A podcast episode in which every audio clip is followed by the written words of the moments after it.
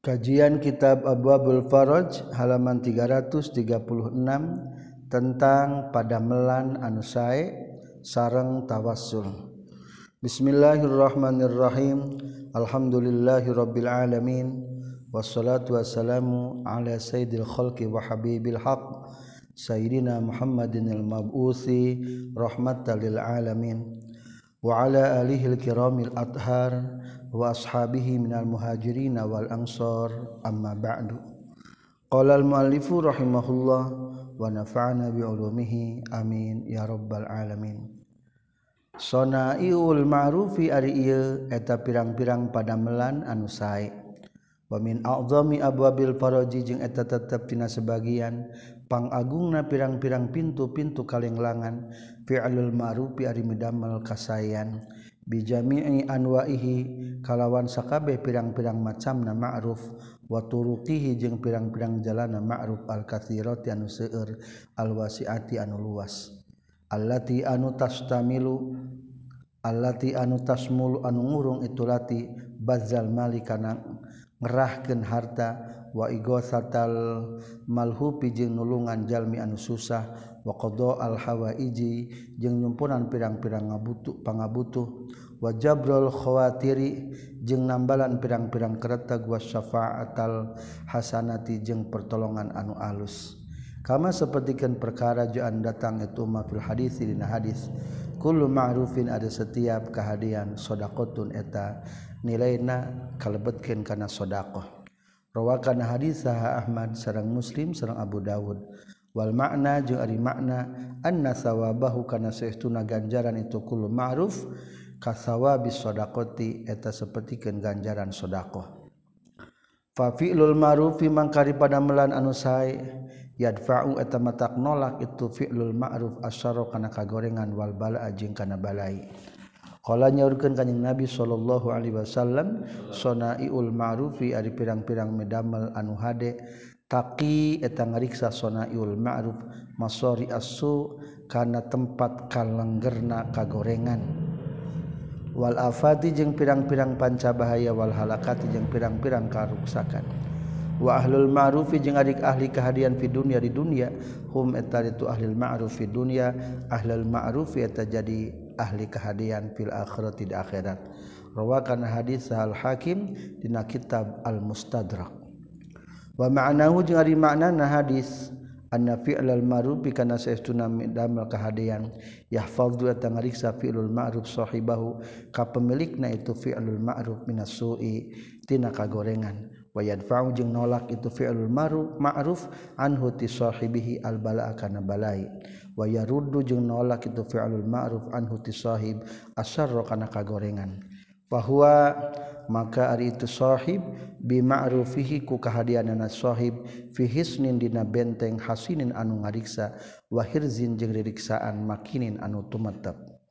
Washabul ma'rufi jeung ari pirang-pirang ahli kahadian fi dunya di dunia hum tari ashabul ma'ruf ashabuhu eta pirang-pirang pemilikna ma'ruf fil akhirati di akhirat. Ayu orafuna tegas nama dikenal itu ashabul ma'ruf bihiku itu ma'ruf. wayunada jeung bakal digero saha alaihim itu ashabu ma'ruf bismi ku ngaranna itu ashabul ma'ruf. Ala ruusil ashad di payunun pirang-pirang saksi. Wa min adzami sanail ma'rufi jeung eta tetep tina pangagungna pirang-pirang medamel kahadean as-shadaqatu ari shadaqah wa qad jaa jeung nyata geus datang fil hadis dina hadis. Naon anna rasulullah sallallahu alaihi wasallam qala tanyaurkeun rasulullah. inna sodakota setuna sodakoh tas sudu eta nutupan sodakoh sabaina kana tujuh puluh nona baban pintu naminasu itu naka gorengan rawal kana hadis saat tobroni wakola jinyorkan tobroni bakiru kudu buru isuk isuk maraneh kabeh yakni kudu buru-buru bisodakoti kana sodakoh fa innal balaa mangka saestuna balai la yatakhata eta moal ngaliwatan balai al sodakota karena sodaqah min awalin nahari tina mimitina berang. Isuk-isuk teh kudu sodaqah ameh jang penangkal balai kaberang nakeun fa innaha mangka saytuna sodaqah tamna umatak nyegah sodaqah al masaibah kana pirang-pirang musibah. Wa qala jeung nyaurkeun kanjing nabi sallallahu alaihi wasallam inna sodakotal muslim misalnya sodakona jalma muslim. Tazidu eta matak nambahan sodakotal muslim fil umri na umur. Watamna ujeng nyegah sodakotal muslim mayita tasui kana maut na goreng. Wa yuzhibu jeung bakal ngalengitkeun saha Allah Gusti Allah. Bihaq itu sodako al kibro kana takabur wal fakhra jeung gumede. Rawa kana hadis at-Tabrani. Wakola jeung nyaurkan kanyang Nabi Shallallahu Alaihi Wasallam ya ayuhan nase eling-eling jalma-jalma tubuh kudu tobat maraneh kabeh ilallah ka Gusti Allah qabla anta mutu maut maraneh kabeh. Wabadiru jeung kudu gagancangan maraneh kabeh bil amali sholihati kana pirang-pirang amal sobleh qabla an tusgolu samemeh yen disibukeun maraneh kabeh. Wasilu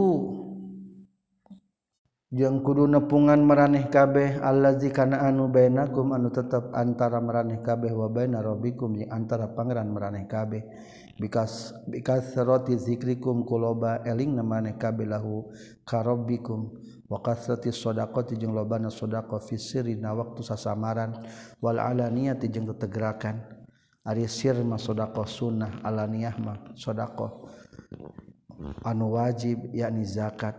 turzakutah bakal dirizkian meeh kabeh. Watun soru jeung bakal ditulungan meraneh kabeh. Watu baru jeung bakal ditambalan meraneh kabeh. Rawakan hadits saha Ibnu Majah. Wakola jeung nyaurkeun kanjing Nabi sallallahu alaihi wasallam ittaqu kudu ngariksa maneh kabeh annaro kana neraka wala bisyik kitamrotin jeung sok sanajan ku sabelah korma. Fa innaha maka saytuna sadaqah tuqimu ngalempengkeun itu sedekah al iwaja kana nu bengkok. Wa tadfa'u jeung nolak itu sedekah maitata su'i kana mautna goreng wa taqau jeung ngariksa sedekah minal jai'i ti jalma anu lapar. Mauqi ahaina patempatnan nana itu sedekah minas sab'an tina pirang-pirang anu wareg.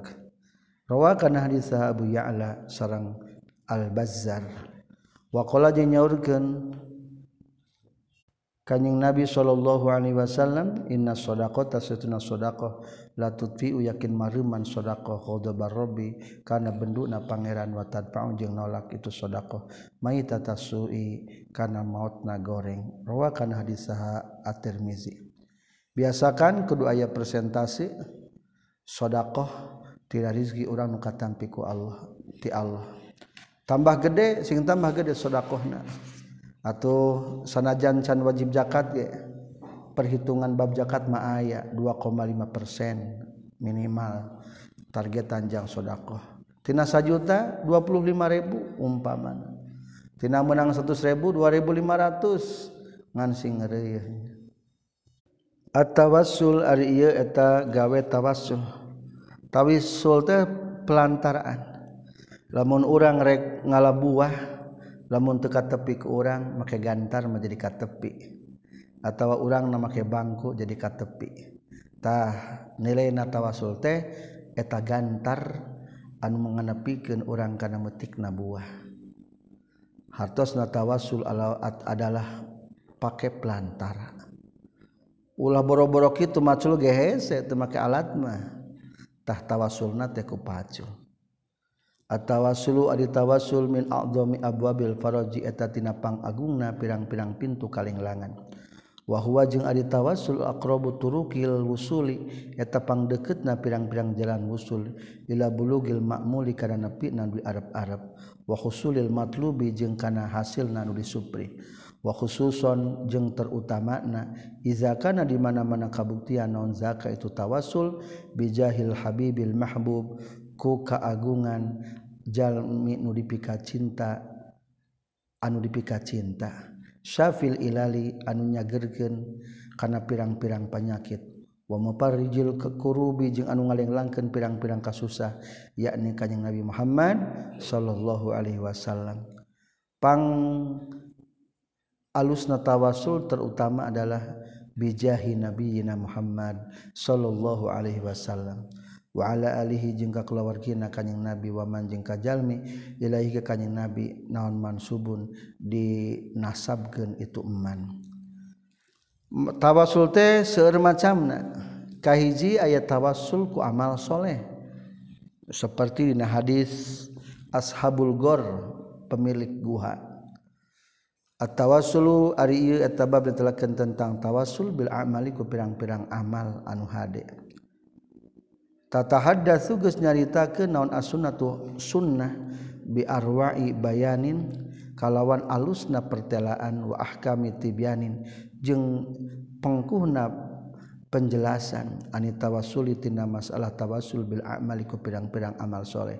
Fi haditsil gor dina hadis gor hadis gor teh adalah hadis ngajelaskan tentang guha. Ceritana kieu allazi anu rawagis ngariwatkeun hukana ieu hadis al bukhari imam bukhari wa guru jeung salian ti bukhari. Iz yaqulu dina waqtos nyarioskeun kanjing nabi sallallahu alaihi wasallam. Intalaqa geus ini salah satu rohtin tilu jalmi. Asalogat magolongan tilu jalmi. Imman ti jalma kanu kabuktian itu iman qablakum samemeh maraneh kabeh. Fa'awa tuluy nyalindungkeun.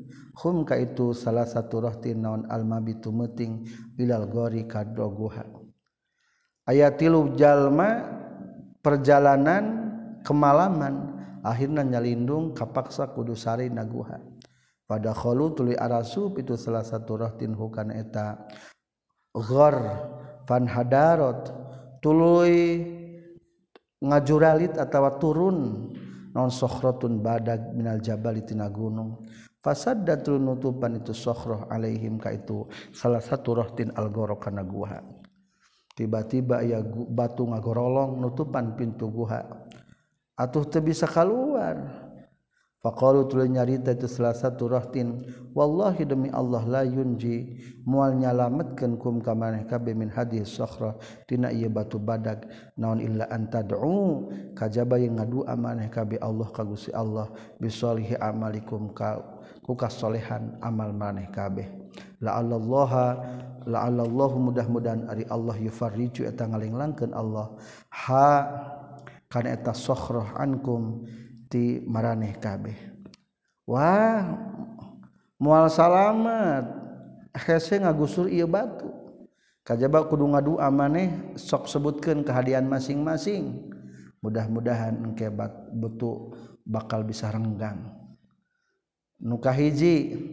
Pakola teras nyario sahrajul jalaki minhum ti itu salahsa Inna husutuna kalakuan jeung tingkah kana kabuktosan li eta tepikeun kaula. Saha abawani indung bapa syekhoni anu geus kolot duanana kabironi anu geus kolot duanana geus aki-aki duanana geus kolot duanana wa kuntu jeung kabuktian kaula la aghbuku. Taranginum kaula qoblahuma samemehna eta abawani. ahlan ka ahli wala malan jeung teu kana harta. Fa'aqaba tuluy nyegah ni ka kaula naon talabus sajari nyuprih tangkal maksudna neangan suluh yaman dina hiji poe. Falam aruh maka tebalik kaula alaihi maka itu abawani hatta nama sehingga gesarare itu abawani. Di suatu hari kalah suluh teh jauh teuing. akhirnya kaburangan balik ka bumi na kasampak geus barobo. Akhirna pahalib tutuli meres kaula. Lahuma pikeun itu abawani ubuqahuma kana cai susuna itu abawani. Fajaitu tulu datang kaula huma ka itu abawani bihi. Mawa itu halib persan cai susu. Fawajartu tuluy menggihan kaula huma ka itu abawani naimaini kana anukir sarare dua nana pataharraj tu tuloy ngarasakeun dosa kaulaan ukizza kana yang ngahudangkeun kaula maka itu abawani. Wa karihtu jeung mikangewa kaula. An agbuko kana yen merenginum kaula. Qablahu masamana itu abawani. Ahlan kana harta wala malan. Jeung teu kana harta. Maksudna maka anak malan teh. Ari geus meresai susu Gering teh geus sarare dihudangkan karunya. Arirek dibikin heula ka anak da biasa nage tersep para wani mereka istri jeng ke anak.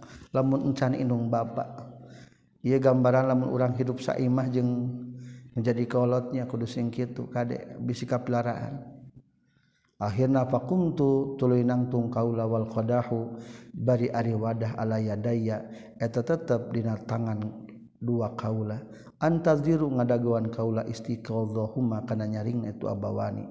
Hatta baroko sehingga caang naon al fajru pajar. Nepi ka pajar eta ngadagoan fastaiqadha tuluy nyararing itu abawani fasariba.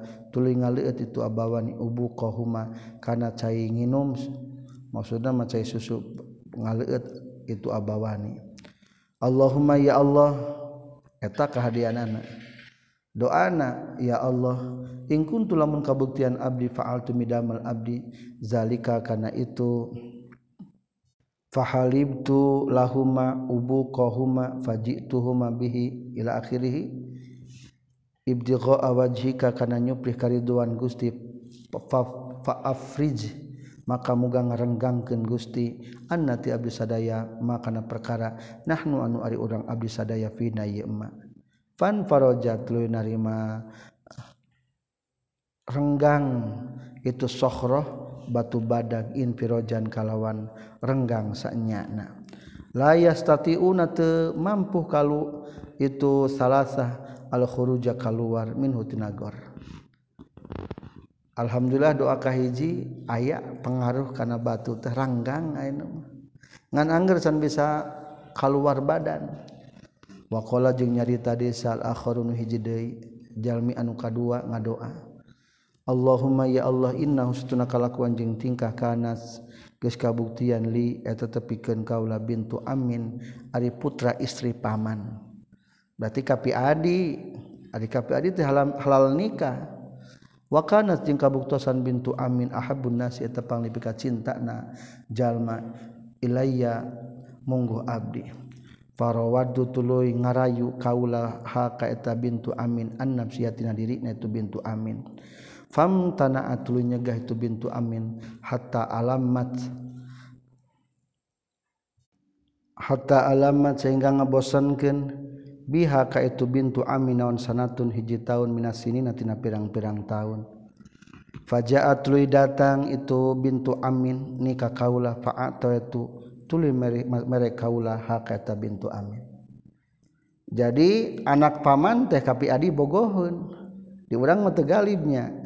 Bogoh ke anak uwa ke anak emang. Eh di Arab mah lobat teh kawin kadulur dan usajana mah malaket sadar. eta dirayu hayang apel bobogohan embungen baik ngan suatu ketika ayah kesempatan pajaat nifa atau tuha datang ka kaula tuluy kaula mereka manehana isrina kana 20 wami atan jeung sarat wami ata dinar jeung 100 dinar. 120 dinar. Wah sadinar teh opat 25 gram emas. Gede atau hampir 500 gram. Dengan syarat ala antuh karena yang ngosongkan itu bintu amin. Mempersilahkan maksud nama baini antara kaula wa baina nafsi jeung antara diri nata bintu amin. Fa fa'altu tuluy megawe kaula hatta qadartu sehingga mampu kaula alaiha ka eta bintu amin. Akhirna mata taluk diberi harta mah akhirnya eta geus dipersilahkan untuk menikmati tubuhna naudzubillah. Qalat nyarita eta bintu amin la yahillu tahalallaka pikeun anjeun. Naon an ta fuddo kana yen ngabedahkeun anjeun al khotama kana cincin illa bihaqqihi kajaba hakna ta khotam. Pepeujeuh cincin ulah waka dipake. Maksudna bagagaduhan istidah haram zina naudzubillah. Ari hak mah akhirna faha tahar tuluy rasa dosa kaula minar rujui. Tina balik alaiha ka eta bintu amin. Fan sorabtu tuluy malengos ka abdi an hati bintu amin. Wahia jeung ari itu bintu amin ahabbun nasi eta panglipika cintana manusia. Ila ya ka mungguh kaula. Tu jeung ninggalkeun abdi az-zahaba kana emas allazi anu atau eta anu geus mere kaula hakana eta zahab. Emas 120 dinar ditinggalkan. Taina mahrek ngarayunya ngan kaburusieun manten ku Allah. Allahumma ya Allah in kuntu lamun kabuktian kaula fa'altu geus migawe kaula zalika kana itu fansorobtu anha wa hiya ahabun nas. Ibtigha wajika karena nyuplih kariduan Gusti faf ruj. Ngarenggangkan Gusti annati Abu sadaya. Maka na perkara nahnu ani ari urang sadaya fina yma fan farojatu nari marenggangan as-sukhratu batu badag guara annahum salianti saestuna itu salasa la yastati'una mampu itu salasa al khuruja kana keluar minha tina itu farjah ditulis.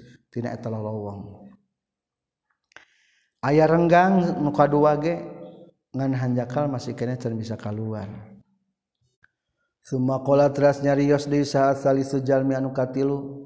Allahumma ya Allah ini setunak abdi istajartu eta nyopri muruhkeun kaula ujaro aka pirang-pirang jalma nu buburu.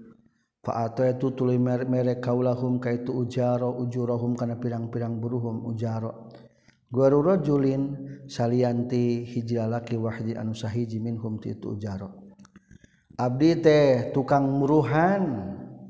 Batur digarawe di Abdi sok diburuhan. Ngan ayah nusa orang nucan kaburuhan. Nah gening tekaburuhan soalna taroka geus ninggalkeun. Itu si lad itu si wahid rajulun wahid allazi kana anu lahu milikna itu si rajulin wahid. Pasammartu tuluy ngainvestasikan kaula mengembangkan kaula ngabuahkan kaula ajrohu kana buruhanana teu surajul aya saurang umpamana paiz kaburu balik ari gajina teu dicokot. Lah karunya umpamana nang gajina teh 2 juta eta 2 juta dibelikeun kana domba. Ari barang suatu ketika fajaatru datang itu sirojulin wahid nikah kaula ba'dahinin sabada samangsa.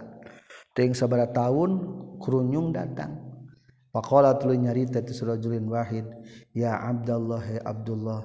Adi kudu mayar anjen ilayya ka abdi ujroti kana buruhan abdi. Hei hamba Allah mana buruhan abdi baheula kungsi gawe di anjeun. Fakultu tuluy ngucapkeun kaula lahu ka sirojul lin wahid Kulluma ari sakabeh perkara taro anu ningali anjin min ujratika eta tina buruhan anjin minal ibili nyatana tina onta wan naami jeung ingon-ingon wal baqari jeung sapi war roqiqi jeung abidna. Tuh tingali gunung eta teh kabeh ge buruhan maneh. Marukan heureuy. Faqala tuluy nyarita surajulin wahid ya Abdullah Abdullah la tastahzi. Ulah ngaguguyonkeun anjeun bika abdi.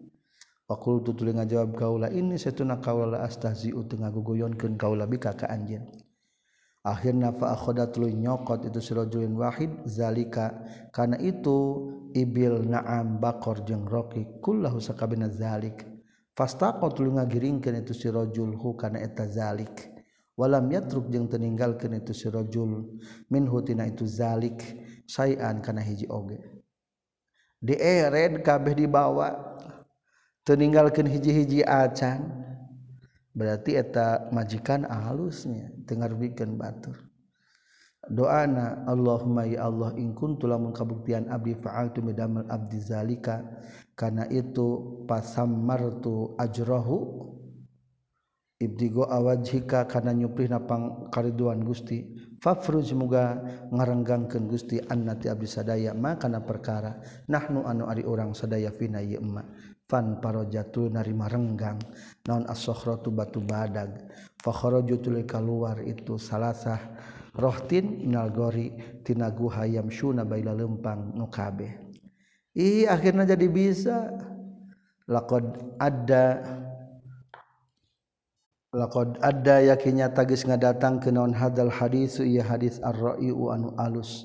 Bi ajla ma'anir rau'ah kanapangpertelakna pirang-pirang makna anu alus. Risalah tahu karena risalah na itu hadal hadis. Antawasulijalilhartina tawasulna pirang-pirang pamuda nu aya dina guha biduai ku ngadua bil amaliku pirang-pirang amal. Allati anu atau anugus ngalakukeun itu rijalul gorha kana talati. Qabla ayan sadda samahin nutupan alaihim ka itu salah satu rohtin atau Rijal Rijalul Gol naon algor buhana bisohrotiku bata batu badag. Allati anu halat anu geus ngahalangan itu lati bainahum antara rijalul ghor wa bainal khuruji jeung antara kaluar bin hutina itu gor itulah tentang tawasul ku amal soleh. Anu kadua at-tawasul ari tengah jelaskeun tentang tawasul bin nabi kanyang nabi Shallallahu Alaihi Wasallam qbla wujud sami ayat na nabi. Tawasul ka kanyang nabi teh bisa eker memeh aya bisa ke aya keeh rasulna bisa ayeuna tos teu aya rasulna. Tah ieu ieu mah ngajelaskeun tentang tawasul ku kanjing nabi memeh ngawujud kanyeng nabi. Tawasulu adam ari ieu tang ngajelaskeun tawasul Nabi Adam bi ku kanjing Nabi sallallahu alaihi wasallam. Wa qad jaa jeung tagis datang fil hadisina hadis. Naon anna Adam masaytuna Nabi Adam qad tawassala eta tagis tawassul kanjing Nabi bin Nabi ku kanjing Nabi. Qala nyaurkeun Sa'al Hakim dina kitab Al Mustadrak hadatsana Saha Abu Sa'id tegasna Amr bin Muhammad bin Mansur Al Adal. Hadatsana Saha Abdul Hasan Muhammad Ishaq bin Ibrahim Alhamdulli hadas sana sabul Haris teges na Abdullah bin Muslim Al-fahri. Hadas sana sa Ismail bin Maslama. Anba ngabejaken na kaurang sedaya sa Abdurrahman bin Zaid bin Aslam. Katam piti ramakna Abdurrahman bin Zaid. Katam piti akina Abdurrahman bin Zaid. Katam piti Umar radhiyallahu an. Qala nyaurkeun Umar. Qala nyaurkeun Rasulullah sallallahu alaihi wasallam lama tarofa samang-samang ngalakonan sa Adamu Nabi Adam. Al-khoti atakana kasalahan kola nyur ke Nabi Adam. Ya Rabbi as'aluka bi haqqi Muhammadin illa ghafartali Ya Allah abdi nyuhunkeun ka Gusti kalawan berkah hakna Nabi Muhammad kajaba kedah ngahapun dan Gusti ka abdi. Pakola teras nganyaurkeun saha Allah Gusti Allah ya Adam he Adam waaifa jeng kumaarab tak nyaho anjir Muhammad dan ka Nabi Muhammad walam akhluk jingcan nyiptakan kaulah hukatu Muhammad. Kala nyorken Nabi Adam ya Rabbi he Rob pangeran abdi li annaka karena setuna Gusti lamma khalaqta samang-samangsa nyiptakeun Gusti ni ka abdi biadika ku kakuasaan Gusti. Wa nafakhta jeung niupkeun Gusti fiya di kaula min ruhika tina ruh Gusti. Ropak tu ngangkatkan Abdi roksi kena sirah Abdi faro itu tulu ningali Abdi ala qawa imil arsi karena pirang-pirang tihang tihang aras. Maktuban karena anu dituliskan naon? La ilaha illallah Muhammadur Rasulullah. Fa'alim tu makanya ho abdi anaka kana seestuna Gusti lam tudif tenyan randekeun Gusti ila ismika kana jenengan Gusti. Illa ahabbal khalqi kajaba kapang dipika cintana makhluk ilaika mungguh Gusti. La ilaha illallah Muhammadur Rasulullah. Nama Nabi Muhammad disandingkan dengan nama Allah.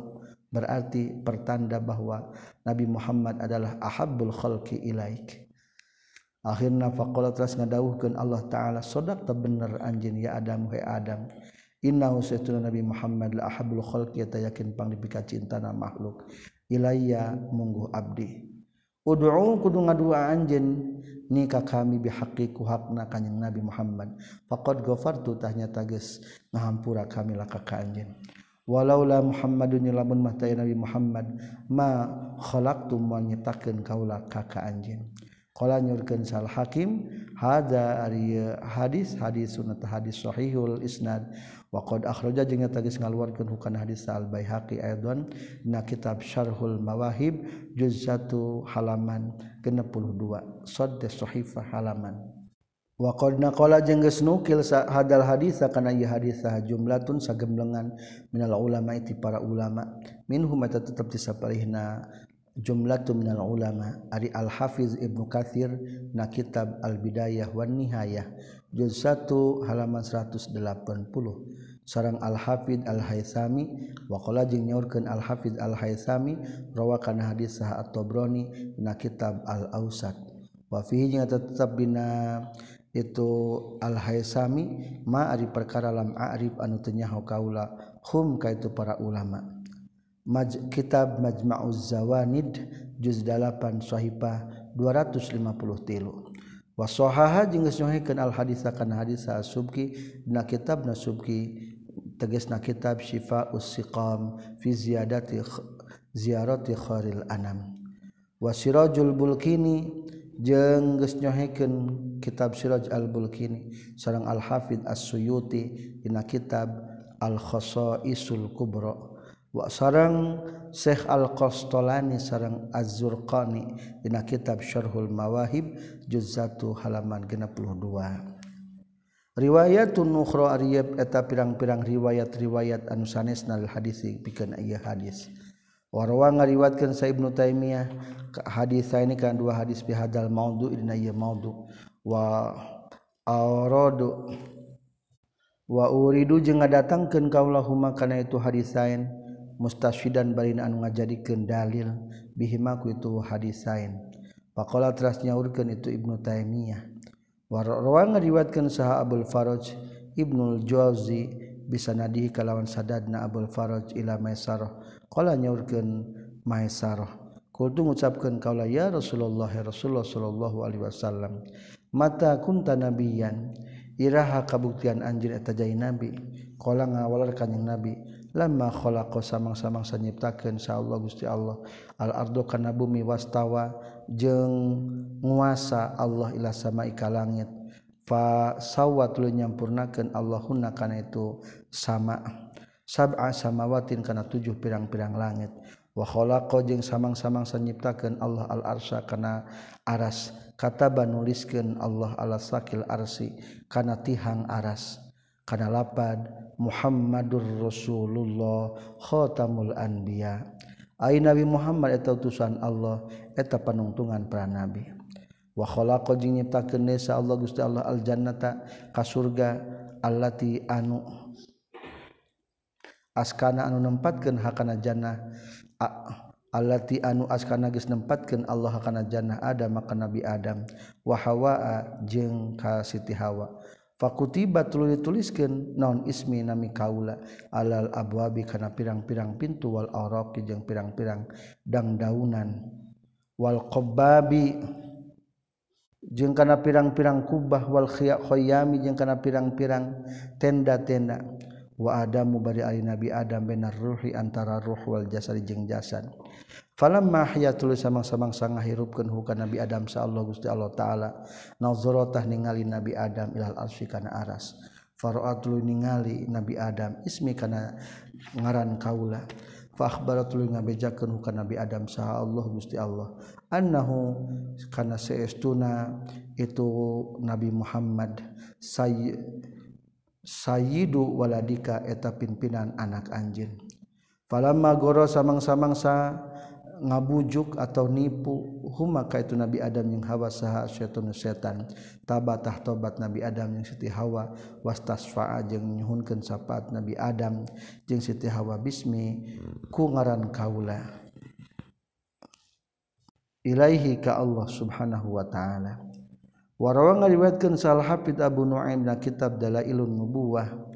Wa min tariqi Syekh Abil Faraj jeung tina jalan Syekh Abil Faraj hadatsana sah Sulaiman bin Ahmad hadatsana sah Ahmad bin Rusdin hadatsana Ahmad bin Said Al-Fahri hadatsana sah Abdullah bin Ismail Al-Madani katam piti Abdurrahman bin Zaid bin Aslam katam piti Ramana Abdurrahman bin Zaid bin Aslam katam piti Umar bin Khattab qala Umar bin Khattab. Qala Rasulullah sallallahu alaihi wasallam lamma asaba samang-samang sakena saha Adamu Nabi Adam al-khotiata kana kasalahan ropa ngangkat ke Nabi Adam ra'sahu kana mastakana Nabi Adam. Faqala teras nyaur ke Nabi Adam ya Rabbi bihaqi Muhammadin illa ghafartali kalawan hak Nabi Muhammad kajaba mudah-mudahan ngahapunten Gusti ka abdi. Fauha tuluy ngawahyukeun Allah ilaika Nabi Adam. Wa ma Muhammadun jeung eta sah ari Muhammad teh. Faqala teras nyaurkeun Adam ya Rabbi he pangeran abdi inna kasaytuna Gusti lama asmam ta samang-samangsa nyampurnakeun Gusti khalqi kana bentuk abdi. Rafa'tu ngangkatkeun abdi rosi kana mastaka abdi ila arsyika kana aras Gusti. Fa idzan tahdina nalikana rafa'tu rosi ila arsyik alaihi atapanai aras maktubun ari dituliskeun. Naon lapad? La ilaha illallah muhammadur rasulullah. Fa'alim tu maka terang abdi annahu karena seestuna kanjeng Nabi Muhammad akramu khalqika tepang mulia na makhluk Gusti. Alaika mungguh Gusti. Iz ta karena geus ngabarengkeun Gusti ismahu kana jenengan kanjeng Nabi Muhammad ma ismika sartana jenengan Gusti. Faqala teras nyaurkeun Allah na'am sumuhun. Qad ghafartu nyata geus ngahampura kaula laka ka anjeun. wahwa sarang Ari itu Nabi Muhammad Shallallahu Alaihi Wasallam akhirul anbiya ita terakhir pirang-pirang para nabi min durriyatika turunan anjin. Walaulahu jeung lamun teu aya kanjing nabi makhluk teu nyiptakeun kaula ka anjin. Fahadzal haditsu mangka ieu hadis yuayyidu eta nguatkeun ieu hadzal hadis allazi kana anu qablahu samemena ieu hadis. Wa huma jeung ari tu hadisani tulis hadis nu ieu jeung memehna katafsiri eta seperti kenafsirkeun la hadis sahihah kana pirang-pirang hadis sahih dina kitab Al-Fatawi juz 2 halaman 150 wal hasil jeung ari kesimpulanana anna hadzal hadisa eta saestuna ieu hadis sahih geus nyohekeun hukana ieu hadal hadis wa naqala jeung geus nukil hukana ieu hadal hadis saha jama'atun hiji golongan min puhulil ulama di pirang-pirang jago-jago na para ulama. Wa aimmatul hadisi jeung geus nyoheh geus ngariwayatkeun kana ieu hadis pirang-pirang imam-imam hadis. Wa hufadzuhu jeung pirang-pirang penghafalna itu hadis. Alladzina tegasna jalma-jalma lahum eta tetap pikeun ieu ladina maqamuhum ari kedudukanna itu ladina al ma'ruf anu geus dikenal. Wa makanatuhum jeung kedudukanna itu ladina al aliyah anu luhur. Wahum jeung ari itu ladina al umana'u eta pirang-pirang anu kapercaya ala sunnatin nabawiyah kana sunnah sunnah bangsa kenabian. faminhum tetap disapalihna itu ulama ari aya al hakim sarang syekh suyuti sarang syekh subki sarang bulkini. Wa naqala jeung geus nukil deui hukana itu hadal hadis saha al baihaqi dina kitabna baihaqi. Allazi anu syaratu anu geus nyarotkeun itu baihaqi pina ye kitab alla yakhruja kana yen teu kaluar ieu hadal hadis. Al maudhu'ati kana pirang-pirang hadis maudhu' ieu hadis lain hadis maudhu' kalaunyaritakan hadal hadits Ibnu Katsir dina kitab al-bidayah wasta syahada jeung ngajadikeun dalil bihi ku ieu hadal hadis saha Ibnu Taimiyah dina kitab al-Fatawi Fawaidu aliyata pirang-pirang faidah muhimat anu penting min hadis tawassuli Adam tina hadis tawassul Nabi Adam alaihi salam. Wa fil hadis jeung tetep dina hadis teh atawasulu ari aya eh, tawasul bi rasulillah ku rasulullah sallallahu alaihi wasallam. Qabla ayat tasharrafa samemeh yen jadi mulia saha al alamu alam biwujudihi ku ayana kanya nabi Muhammad sallallahu alaihi wasallam fihi di ieu alam. Wa annal madaro jeung saestuna anu ngajadikeun pusat atau perputaran fi sihhati tawassul dina sahna tawassul ala ayyakuna kana yang kabuktian sa lil mutawassili pikeun jalma tawassul bihi ka al naon al-qadrur rafi derajat anu luhur inda rabbi azza wa jalla disandingan Allah azza wa jalla. Syarat sahna tawasul kudu kabuktian ilmu tawassal bih pikeun jalma nu dipake tawasulna naon al-qadrur rafi aya derajat anu luhur kesandingan Gusti Allah. Lamun urang rek tawasul ke seorang kudu bener-bener seseorang teh aya derajat tinggi di hadapan Allah. Seperti urang tawasul ka Rasulullah. Wa annahu jeung satuna kalakuan jeung tingkah la yustaratu teu disyaratkeun naon kono kabuktian itu mutawassal bi hayyan eta hirup kana fi dari dunya di lembur dunia. Rasulullah ayeuna atas aya tapi teu naon-naon. Soalna masih keneh qadrur rafi inda robbi sanajan teu disyaratkeun kudu masih keneh hirup. La yustaratu kanu hayan pidari dunia wa minhu jeung tina itu al lil mutawassil bih al qadrur rafi yu'lamu dikanyahukeun. Naon annal qaula kana setuna pendapat bi anna tawassula kana setuna tawasul la yasihu eta teu sah teu bener itu tawasul bi ahadin ku seorang. Illa waqta hayatihi kajaba waktu hirupna eta si ahad pidari dunia di lemur dunia. Qalun eta qaul ittaba'an geus qaulu man eta ucapanna jalma ittaba'an geus nuturkeun ieu man hawahu kana hawa nafsu natumman bi gori huda kalawan tanpa petunjuk minallahi ti Allah. Orang-orang wahabi mah berpendapat temenang tawasul ku Rasulullah geus ngantunkeun. Ta eta teh lain nuturkeun Quran tapi nuturkeun hawa nafsuna. Soalnya tadi ayat hadis nanya entas bahkan mengangkat hadis nu diriwayatkan ku Ibnu Taimiyah. Soalnya biasanya Ibnu Taimiyah teh sok diagung-agungkan dipakai sandaran keputusan hukum ke orang-orang Wahabi. Tawasulul Yahudi Arya telah-telahkan tawasulna orang-orang Yahudi biku kanjing Nabi sallallahu alaihi wasallam. Qala ngadawuhkeun Allah taala walamma ja'ahum kitabum min indillahi musaddiqul lima ma'hum walamma ja'a jeung samang-samang sadatang hum kaitu orang-orang Yahudi non kitabun kitab min indillahi tisandingan Gusti Allah. Musaddiqun anu ngabenerkeun lima kana perkara ma'ahum anu tetap sartana itu orang-orang Yahudi. wakanu jeung kabuktosan orang-orang Yahudi ming qoblut samemehna. Yastaftihuna eta nyuprih pitulung. Itu ladina alal ladina kajalma-jalma kafaru nu kafir itu ladina falamma ja'atu semang-semangsa datang kum ka itu si Yahudi naon ma perkara arabun geus nyaho itu arab orang-orang Yahudi. Kafaru tah kufur orang Yahudi bihi kana eta ma arafu fala'natullahi maka ailaknatan Allah.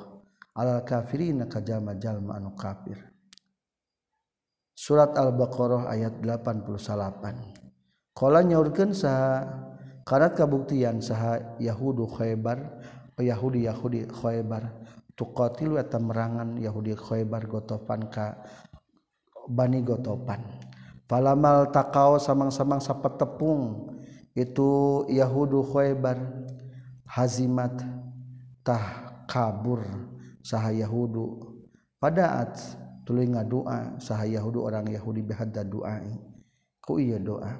Wa qalu jeung ngucapkeun orang Yahudu Yahudi Khaybar Inna nas'aluka bihaqqin nabiyil ummil ladzi wa'adtana. Ya Allah saestuna abi tawasul nyuhunkeun ka Gusti. Ku berkah Nabi Muhammad al ummi anu teu diajar maca jeung teu nulis. Alladzi anu wa'adta geus kajangjikeun Gusti na ka abdi sadaya tacan aya padahal Rasulullah nama antukhrija muga ngaluarkeun Gusti hu ka itu nabiyul ummi lana pikeun abdi sadaya fi akhir zaman Antan surah muga nulungan Gusti nakabi sadaya alaihim ngelehkeun ka itu gotopan. Qala nyaurkeun Ibnu Abbas, fakanu maka kabuktosan itu Yahudi Khaybar. Idal taqau di mana-mana patepung itu Yahudi Khaybar. Da'au tasok ngadarua itu Yahudi Khaybar bihadda du'ai. Ku iya doa, fahazamu tuluy ngelehkeun itu Yahudi Khaybar gotofan ka Bani Gotopan akhirnya menang eta Yahudi Khaybar tapi hanjakal falamma buitha tuluy samang-samangsa diutus geus diutus saha Nabi ka Nabi sallallahu alaihi wasallam. Kafaru tah kufur pangsara tuluy nurunkeun sa Allah Gusti Allah taala. Wa kanu min qablu yastaftihuna lal ladzina kafaru. Wa kanu jeung kabuktian orang Yahudi Yahudi Khaybar teh tadi mah min qablu ti samemehna ti yastaftihuna eta nyuprih supaya menang. tawasul heula ka Allah hayang ngelehkeun alaladzina ngelehkeun jalma-jalma kafir nu kufur. Nyata hayang menang perang jeung Bani Gotofan. Yastatihuna bertawasul minta menang teh melalui nyebutkeun Nabi Muhammad. Surat Al-Baqarah ayat 88 ay bika tegasna ku anjeun ya Muhammad. Ila qaulihi kadawan Allah fala'anatullahi 'alal kafirin surat al-baqarah ayat 88 tafsir Qurtubi juz 2 halaman 27 halaman 26 At-tawassul ari telakeun tawassul bi Nabi ka Nabi Muhammad sallallahu alaihi wasallam fi hayatina waktu keur jumenangna ka Nabi wa ba'da wafati jeung sabada wafatna ka Nabi. Katam bi Utsman bin bin Hunayf radhiyallahu an qala nyurkeun Utsman bin Hunayf. Sami tunguping kaula ka Rasulullah wa jaa jeung sumping ka kanjing Nabi saha rajulun lalaki dorirun anu lolong fasaka tuluy unjukan itu si rajulun dorir ilahi ka kanjing Nabi dahaba basori kana leungit paningalina itu si rajulun dorir. Waqala teras nyaurkeun itu si rajulun dorir ya Rasulullah laisa teu aya lipikeun kaula naon qaidun anu nungtun? Waqad suko wakod sako jeung nyata geus ngamasakatkeun itu dahaba basori alaya ka abdi. Faqala teras nyaurkeun ka nabi iti almi doa iti kudu datang anjeun almi doa kana tempat wudu. Patawaddo tak kudu wudu anjeun summa sholitu kudu salat anjeun. Rakaatani kana dua rakaat summa qul kudu macakeun anjeun. ye hayang bisa ningali deui masuk jung wudu tuluy salat beres salat bacakeun ieu doa. Allahumma inni as'aluka. Ya Allah saestuna abdi nyuhunkeun ka Gusti. Wa atawajjahu ilaika jeung madep abdi ka Gusti. Binabiyika Muhammad ku berkah nabi Gusti Nabi Muhammad. Tegasna nabina rahmat. Ya Muhammad ya Muhammad inni setun abdi atawajjahu madhep abdi bika. ku anjin ila rabbika ka pangeran anjin akhirna fayujli maka mudah-mudahan nyaangkeun Allah li ka pikeun abdi an basori tina paningali abdi. Allahumma syafi'hu fiyya wa syafi'ni fi nafsi. Ya Allah syafi' muga masihan syafaat Gusti ka kanjeng Nabi fiyya di abdi. Wa syafi' jeung muga nyagerkeun Gusti ni ka abdi fi nafsi dari abdi. Qala nyaurkeun sa Utsman Utsman, pawallahi mangka demi Allah ma tafarraqna teu papisah abi sadaya wala tola jeung teu lila bina ka urang sadaya non al hadisu. Hadis carita hatta dakhala sehingga asup deui sarajul laki wa ka'annahu jeung kaya kaistuna kalakuan jeung tingkah lam yakun teu kabuktian bihi ka itu sirajul non darrun madarat. Teu aya naon-naon cager. Qala nyaurkeun sal hakim hadal had, hada ari hadis hadisun sahihul isnad. Walam yukhrija jeung teu ngaluarkeun Imam Bukhari sareng Muslim hukana hadis. Wa qala Zahabi katam anil hadis tina hadis inna satun hadis teh sahih juz 1 sahih 518 wa qala Tirmizi hada ari hadis hadisun hasanun sah goribun anu asing. La na'rifu apal abdi hukana hadal hadis illa min hadal wajah kajabatina ieu jalan min hadis Abi Ja'far. wahwa ari itu Abi Ja'far Garul Khatmi etalin Abu Ja'far Al Khatmi Zakara nyaritakeun kana ieu hadis? Zakara nyaritakeun Abu Ja'far hukana hadis dina akhir sunan dina bab pirang-pirang doa. Qala nyorkeun Sa'al Mundiri warwa ngariwatkeun ku kana hadis Aidon Nisa An-Nasa'i sareng Ibnu Majah sareng Ibnu Huzaimah dina kitab Sahihna Ibnu Huzaimah. Kaza sapertikeun kieu tieu pisan dina kitab At-Targhib dina ngabahas kitabun Nawafil Babu Targhib fi Salatil Hajat juz 1 halaman 438. sajeng lain ia tawasul bin nabi ada teges na tawasul bin nabi khosun tan khusus bihayati karena waktu jumenangkannyang nabi bad istamaltahnya balitanya tages ngagunakan sahabat sahabat hadis sigota kana ieu bahasa minat tawasul tinak bahasa tawasul ba'da wafatihi sabada wafatna kanjeng nabi. Faqad rawa nyata ngariwatkeun sa'at Tabrani hadal hadis kana ieu hadis wa zakara jeung nyaritakeun Tabrani fi awalihi dina mimitina ieu hadis kisotan kana kisah wahia jeung ari tu kisah teh anna rajulan satuna jalaki kana kabutan tu rajul yahtalipu eta bulak-balik baik itu sirajul ila Utsman bin Affan fi hajatin dina hiji keperluan lahu pilikeun tu sirajul. Wa kana jeung kabuktian sa Utsman Utsman la yaltafitu tengah lirik itu Utsman ilahi ka tu rajul wala yang duru jeung teningali itu Utsman fi hajatihi dina hajatna ta sirajul. Diceritakan zaman Khalifah Utsman bin Affan aya lalaki bulak-balik baik aya perlu tapi itu dihiraukeun ari barang geus kitu falaqiya tuluy pendak sarajul lalaki nu tadi. Membulak-balik bae ka Utsman bin Affan. Pendak ka Utsman bin Hanif bin Hunef. Fasaka telah unjukan itu si rajul dalika karena itu yahtalifu ila Utsman bolak-balik ka Utsman faqala teras nyaurkeun lahu ka itu si rajul sa Utsman bin Hunayf iti kudu datang anjeun almidodah kana tempat wudu. Summa itu tulu datang kudu datang anjeun al masjid ka masjid. Fasholli tulu kudu salat anjeun fi masjid rakaat kan dua rakaat. Semakul tuli kudu ngucapkeun anjeun Allahumma inni as'aluka wa atawajjahu ilaika bi nabiyyina Muhammad nabiyyir rahmah ya Muhammad. Inni atawajjahu bika ila rabbik sakitunya fayak di tuluy nyumponan aya nama eta Utsman bin Affan teh hajati kana hajat abdi.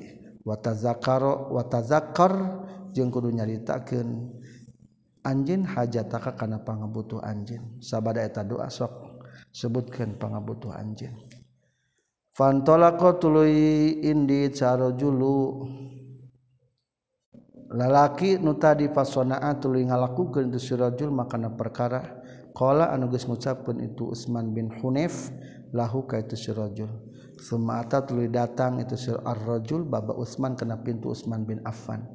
Fajaat datang sa al-bawwab tukang penjaga pintu. Hatta akhoda sehingga nyepeng itu al-bawwab biadihi kana panangan itu si rajul pada khala tuluy ngasupkeun itu al bawwab buka itu si rajul ala Utsman ka Utsman bin Affan. Penjaga pintu bageur dikajerokeun ayeuna mah. Fa ajlasa tuluy nyalikeun Utsman bin Affan huka itu rajul ma'ahu sartana Utsman bin Affan ala tin fisah. Kana luhureun permadani wa qala jeung nyaurkeun itu Masman bin Affan ma hajatuk? Eta naon ari pangabutuh anjeun? Aya perlu naon? fazakar tu nyaritakeun si ar-rajul hajat tau kan hajatna ar-rajul.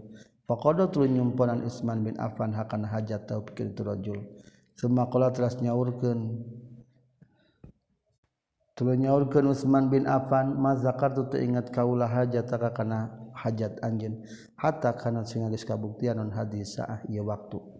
Summa kana tuluy nyari qala nyariurkeun itu Utsman bin Affan ma kana naon bae kana kabuktian la kapikeun anjeun naon hajatun pangabutuh. Fa'ti kudu datang anjeun ka urang sadaya. Irah bae pangabutuh perlu sok ka di summa innar rajula tulusatuna lalaki lama kharaja. Samang-samang sakaluar itu ar-rajul min indi tisaningan Utsman bin Affan. Laqiya pendak itu ar-rajul ka Utsman bin Hunayf. Wa qala jeung nyaurkeun itu si ar-rajul ka itu Utsman bin Hunef jazakallahu khairan. Moga ngabales ka anjeun Allah kana kahadian. Karena kabuktosan itu Utsman bin Affan yang duru ningali Utsman bin Affan fi hajatin hajat kabdi. Wala yaltafitu jeung teu ngalirik Utsman bin Affan ilaya ka abdi. Hatta kalam tu sehingga nyeritaan kaulah huka Utsman abdan fi dina masalah kaula. Faqala teras nyariosa Utsman bin Hunayf wallahi demi Allah maka lantuh teu nyaritakeun kaula Hu Kausman bin Affan walakin syahidtu tetapi nanyaksian kaula ka Rasulullah sallallahu alaihi wasallam wa atajing datang hu ka kanjing Nabi sarajulun hajalaki dharirun anu teu ningali Fasaka tuluy unjukkan tu si rajul ilahi ka kanjing Nabi zahaba basari kana leungit paningalina tu si rajul. Faqala teras nyarios lahu ka tu si ar-rajul sa'an Nabi kanjing Nabi sallallahu alaihi wasallam. au tasbir wa sabar anjeun faqala mangka nyarios itu sirajulun darirun ya Rasulullah. Laisa ta aya lipikeun abdi saqaidul anungtun wa qad syaqqa jeung tagis masakat itu dahaba basarihi alayya ka abdi.